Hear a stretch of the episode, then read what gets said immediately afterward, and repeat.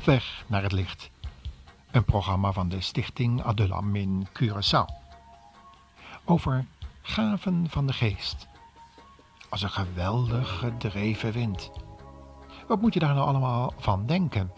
Wanneer je zo om je heen kijkt, in deze tijd van bewonderbare manifestaties van de geest? Welke geest? Waar hebben we het eigenlijk over?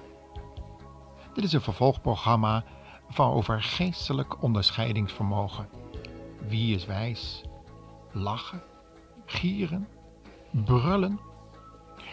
Ja, dat kan tegenwoordig. Wanneer de geest over je komt. Maar welke geest is dat? De Heilige Geest? Van een heilig God? Luister naar dit programma. We laten nog even dokter Willem J. Ouweneel aan het woord, die nog niet uitgepraat was in ons vorige programma. Hoe handelt God? Hoe kunnen we onderkennen wat van Hem is?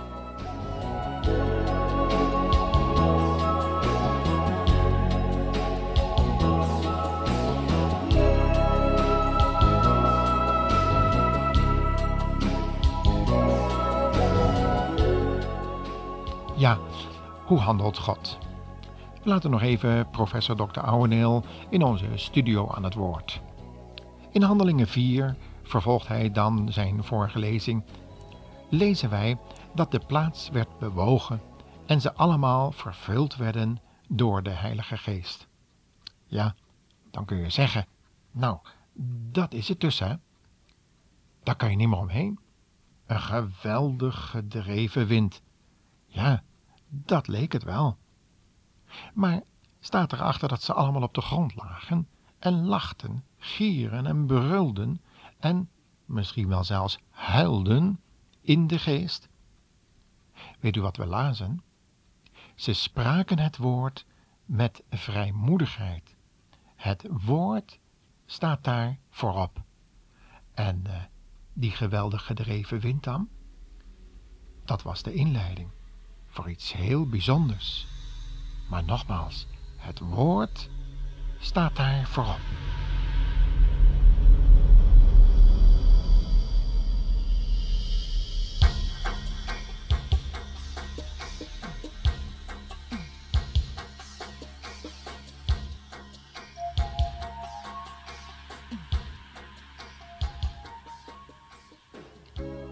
Wanneer je dat in Handelingen 4 nog eens verder bekijkt, dan merk je dat mensen vervuld zijn door de Heilige Geest, doordat zij Christus groot maken en zijn woord met vrijmoedigheid gaan verkondigen.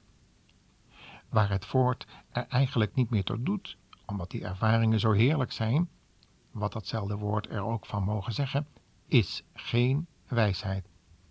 En wie wijs is, let er ook op hoe de demonen handelen. Dr. Ouweneel vervolgt dan met een paar kenmerken. Van de verstandigen uit Daniel 11 en 12 lezen we dat zij anderen tot inzicht brengen en daardoor zelf worden gelouterd. Sommigen van hen gaan daarbij zelfs voor de bijl, zo gezegd. Is het voor ons allemaal zonder uitzondering weggelegd om wijs en verstandig te worden? Er is ook niemand van ons te goed om te struikelen, nietwaar, en te vallen, als we niet heel dicht bij de Heer blijven en die band met hem vasthouden.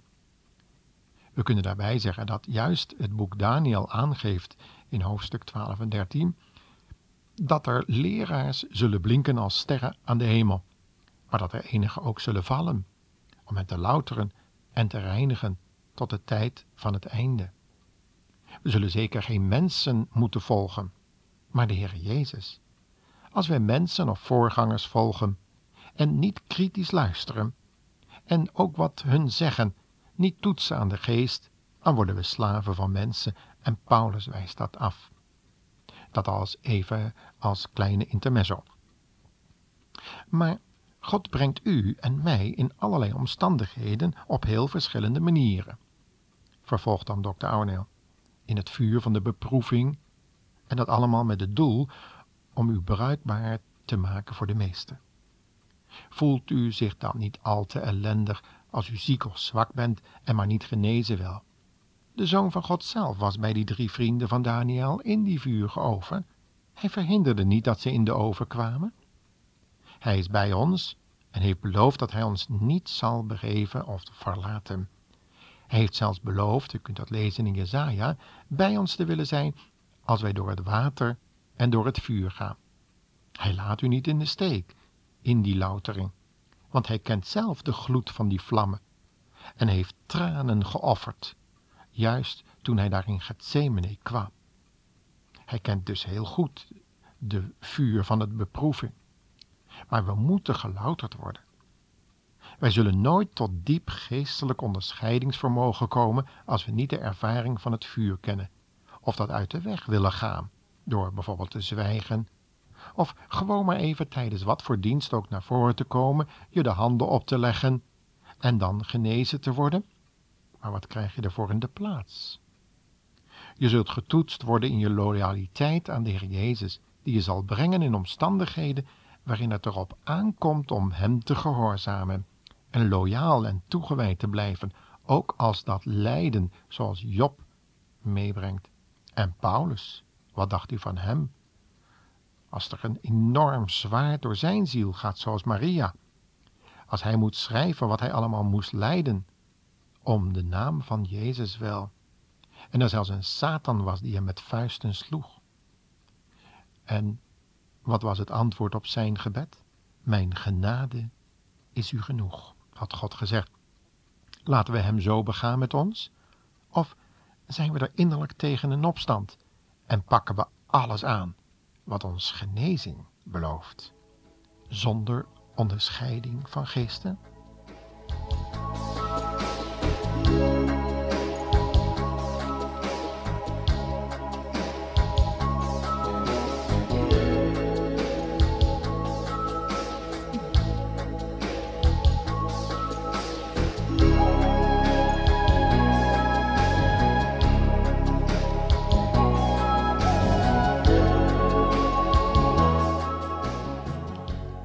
Laten we samen nog eens de Bijbel openen bij 2 Thessalonicense 2 vers 1 tot 12.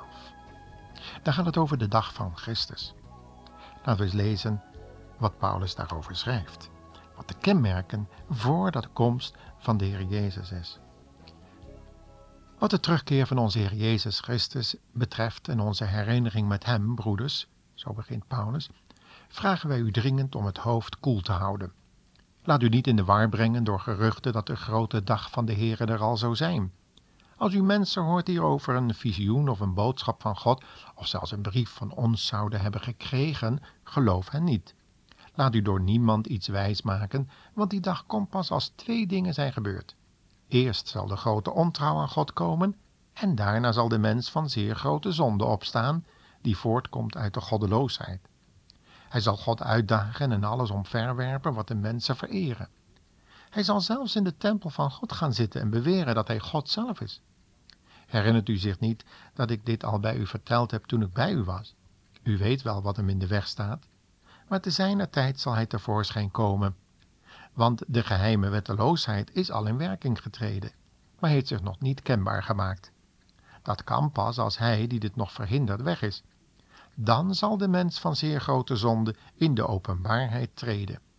Maar de Heer Jezus zal hem door zijn adem vernietigen en hem, als hij terugkomt, alleen al door zijn stralende verschijning machteloos maken.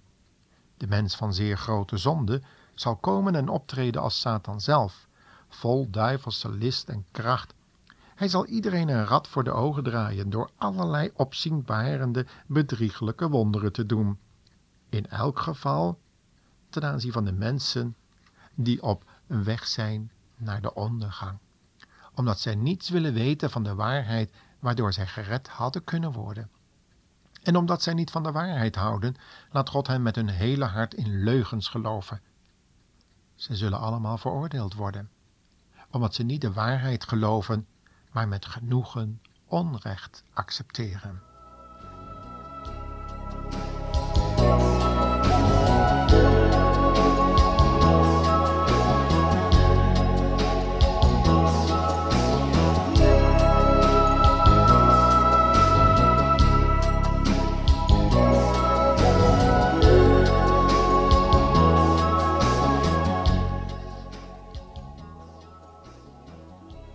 Bram Krol, de auteur in het boek Uitdaging of maandblad Uitdaging, heeft er ook iets over te vertellen over dat vallen en lachen.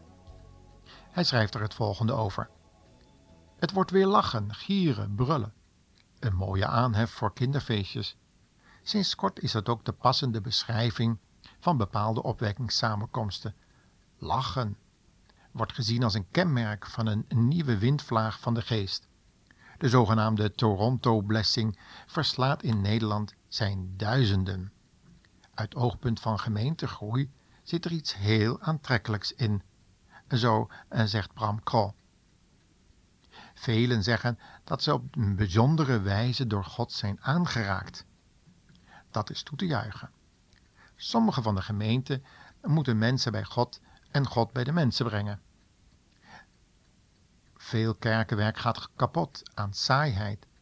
Dat kun je van deze nieuwe beweging niet zeggen. Bovendien, het verlangen naar een opwekking wordt door velen gedeeld. En moeten we dan concluderen dat dit een nieuwe uitstorting van Gods geest is? Maar de dingen die het meest in de aandacht staan zijn verraderlijk van aard. Ze zijn heel gemakkelijk na te bootsen, waardoor het feitelijk verkeerd is op grond van verschijnselen als langdurig hard lachen, schreeuwen, het verlies van controle over de ledematen, spastische bewegingen en wat niet al te concluderen. Ja, is dit van de geest? Als God werkt kunnen er inderdaad onverwachte dingen gebeuren. Maar dat zijn dan wel psychologische reacties op een innerlijk werk van God. Gevoelens van verdriet, blijdschap, ontzag en zo vervullen een mens dan. Dat heeft een lichamelijk en een psychisch effect, natuurlijk. Maar deze effecten zijn op zichzelf nog geen bewijs dat de geest op een bijzondere wijze aan het werk is. Ik heb te vaak de indruk gehad dat mensen met een gelach of geschreeuw in de belangstelling willen komen. En dan regeert de psychologie over de theologie. Als we niet uitkijken, zal deze nieuwe charismatische modestroom contraproductief gaan werken. Chaotische samenkomsten, mensen die zich achteraf schamen voor hun gebrek aan zelfcontrole of zich ergeren aan dat gebrek bij anderen preken die onderbroken worden, het verleggen van de aandacht van de schrift naar de extase. Ik zie het als een kolossale bedreiging. Laten we gestoord handelen en storend gedrag niet tot geestesgaven verheffen.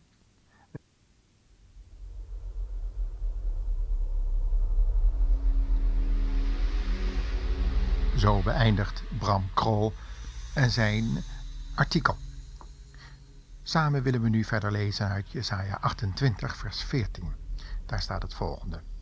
Luister goed naar de woorden van de Heere, spottende heersers in Jeruzalem. U zegt, we hebben een afspraak gemaakt met de dood en een verdrag met het dodenrijk om gedekt te zijn tegen de stormvloed die over ons komt. We hebben de leugen als een schuilplaats en verstoppen ons achter bedrog. Maar de Heere God zegt, kijk, ik plaats een steen als fundament in Sion een sterke, beproefde en kostbare hoeksteen, waarop veilig kan worden gebouwd. Wie gelooft, kan uit de rust leven. Ik zal met het meetsnoer en het paslood van de rechtvaardigheid het fundament dat u maakt controleren. Het ziet er wel goed uit, maar het is nog te zwak om een hagelstorm te weerstaan. De vijand zal als een watervloed komen aanstormen en het wegwagen, en u zult verdrinken. En ik zal uw verbond met de dood en het dodenrijk te niet doen. Luisteraar, laten wij onszelf controleren of we op het goede fundament bouwen. Tot de volgende keer en God zegen u.